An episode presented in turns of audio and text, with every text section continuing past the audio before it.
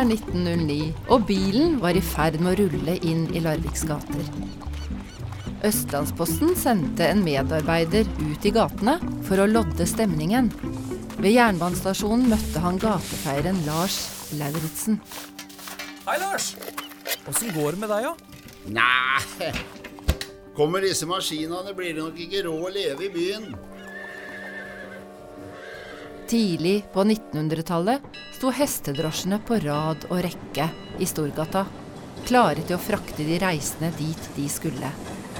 Lars Lauritzen fikk to kroner i uka for å holde området rundt jernbanestasjonen rent for hestebøkk. Lars Lauritzen var født i Larvik i 1858. Folketellingene forteller oss at han til tross for vanskelige kår aktivt grep jobb og muligheter der han kunne. Han jobbet som tobakksarbeider, vedhugger, dagarbeider og gatefeier. Lars var bekymret for om bilene skulle fortrenge hestedrosjene, og dermed gjøre ham og jobben han gjorde, overflødig. Men til Østlandsposten journalist hadde han løsningen klar. Om det nå ble sånn at bilene fortrengte hestetrafikken fra byens gater. Det blir nok ei råd likevel. Ja. Sånn når maskina kommer, for jeg skal nok klare å få jobb med det av jeg. For jeg kan vel alltid få pusse det blanke på maskinene, vel. Lars Lauritzen var løsningsorientert og klar til å tilpasse seg en by der endringene skjedde raskt. Det viste seg likevel at Lars Lauritzen enda hadde mange år igjen som gatefeier i Larvik. I filmen 'Byen vår' fra 1921 kan vi se ham som 63-åring på Storgata med sopekost og bøtte. I loslitt jakke og bredbremmet hatt ser vi ham sope gata foran Grand hotell, mens mennesker og hestevogner strømmer forbi. Lars stopper opp, retter ryggen og ser inn i kamera før filmfotografen beveger seg videre. Lars Lauritzen ble 88 år gammel. De siste årene bodde han på gamlehjemmet i Dronningens gate. Da han døde, skrev Østlandsposten. Lars er død. Gamle Lars Lauritzen. De yngre generasjoner kjente han vel ikke, mens alle de eldre var på vennskapelig talefot med ham, og for oss alle var han kort og godt Lars. Med bøtte og kost gjorde han sitt til at byen skulle se litt penere ut. Ja, det var hans lille, vakre gjerning.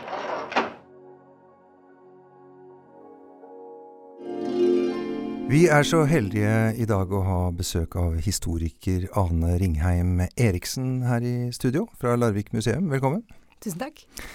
Du, dette var jo eh, en historie som du har skrevet, og hvor også Christian Baalsrud har bidratt. bidratt. -hmm.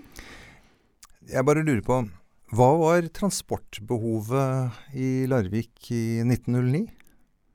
Altså, på begynnelsen av 1900-tallet så var det sånn at folk flest, de, de gikk jo, og de Eller de brukte, brukte beina, de brukte hest og vogn for de som, øh, de som hadde, hadde det.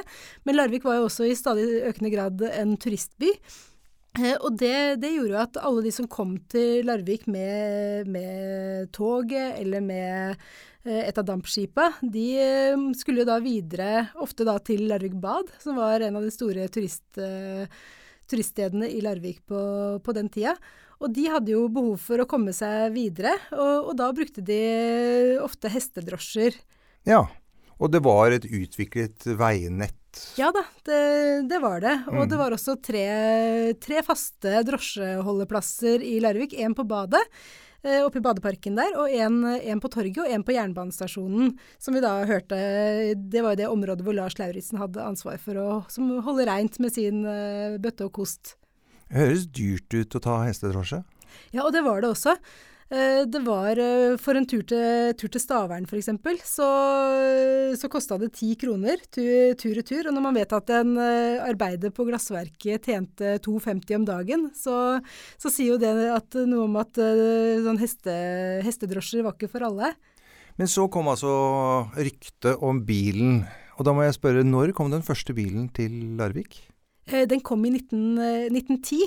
Men allerede fra 1899 så hadde man jo uh, hatt planer om å Hadde man hatt et ønske om å få til uh, en, en, bilrute. Da var det snakk om å, å, lage en bilrute fra Langestrand til Østre Halsen. Men da var det han som var amtingeniør i, i Larvik. Han satte foten ned. Han mente at bruene de var ikke sterke nok til å tåle en sånn, sånn type transport. Så da, så da fikk man ikke lov. Men i 1909 Eh, så begynte man å ta opp saken på nytt, eh, og da mhm. var det en som het Tøger Andresen som var den, den sterke mannen bak eh, den satsinga. Ja. Var det folk i Larvik som, som, tenkte at det der er bare et blaff? Det kommer til å bli hestetransport i all evighet?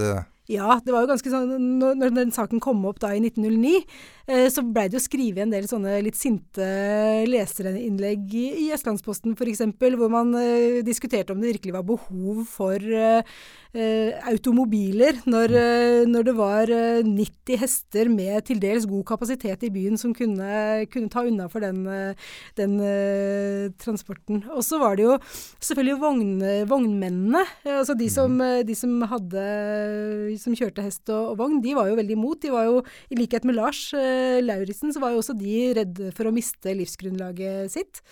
Så ja. de, de drev jo da og samla inn underskrifter mot eh, bilen, eh, som de da leverte til kommunestyret i Larvik med en henstilling om at man skulle si nei til bil. Ja, men utviklingen lot seg altså ikke stoppe. Um, når var det egentlig man innså at uh, bilen var kommet for å bli?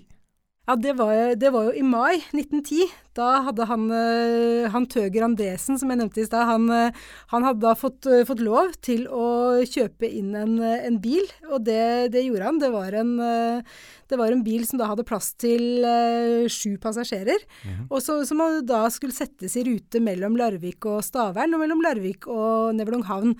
Og den, den ble da kjørt ned fra Oslo til, til Larvik. Og i Tønsberg så jo, kom jo da de to redaktørene for de to viktigste avisene i Larvik. Både redaktøren i Østlandsposten og redaktøren av Larvik og Jarlsberg Amtstidene kom på. Uh, og skrev ganske sånne henrykte anmeldelser i avisen på hvordan det var å kjøre, kjøre bil. Og de, de, kunne, de, lot seg imponere over at det fantes en, en bryter som, som, fikk bilen til å bråstoppe, og at den til og med kunne reversere, som det sto. Så det var, det var stor, stor stas. Ja, prosessen ble ikke reversert i hvert fall. Nei. Men eh, det kom vel et punkt hvor folk måtte innse at nå kommer bilen, og det skapte vel store endringer for byen Larvik? Ja, det, det kom jo flere biler ganske, ganske raskt. Eh, Godseier Tresko var jo også en av de som, eh, som skaffa seg bil ganske, ganske raskt. og han Uh, og da Han rykka jo inn annonse i avisa, uh, så litt sånn som advarsel uh, om at nå, nå, kom det en bil i, i byen. Og litt seinere samme sommer så måtte også kommunestyret vedta eh, forskrifter om eh, hvordan eh, bilen ja, Hvordan man skulle operere med bil i Larvik. Da. den viktigste bestemmelsen da var jo, var at det bare var lov å kjøre i 15 km i timen i tettbygde strøk. Men hvor lenge levde hest og bil side om side i Larvik?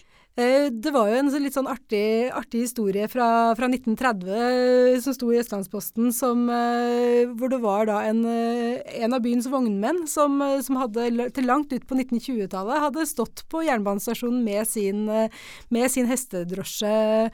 Men, men, han hadde da vært den eneste en, en, god stund, så det må jo ha snudd en eller annen gang ja, 1910-tallet og begynnelsen av 1920-tallet, kanskje. Ble det tatt godt imot, den utviklingen? Uh, etter hvert så ble det jo det, men, men i begynnelsen så, så, var det jo en, en god del uh, protester, og, og, det var jo særlig de som kjørte hest og vogn som, uh, som protesterte, fordi hestene blei så livredde ja. og medførte en del farer. Uh, og i Brunlandnes uh, så fortelles det jo at, uh, at det blei satt ut sånne steiner i veien når man venta en, en, bil forbi. Og det sto også at store hauger med glasskår ble, ble, strødd på landeveien lumskelig gjemt, som det sto, som det sto i avisa. Så det, det, var nok ikke like populært alltid alle steder. Takk til historiker Ane Ringheim Eriksen ved Larvik museum, som har skrevet portrettet om Lars Lauritzen sammen med journalist Christian Baalsrud.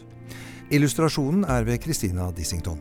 I rollen som Lars Lauritzen hørte vi Bendik Bø, forteller var Kjersti Bakke, og som øperjournalist hørte vi Jørgen Bredesen Skalberg, sistnevnte fra Larvik Teater. Følg oss gjerne på Facebook, Larviksbodden Ropert eller Vi350. Du finner også Larvikspodden på Instagram. Ansvarlig for podkasten er foreningen Ropert. Og vi som snakker nå, er Kjetil Wold, Og Geir Atle Johnsen. som også har ansvaret for lyddesign. Produsent er Virvel AS. Tut og kjør.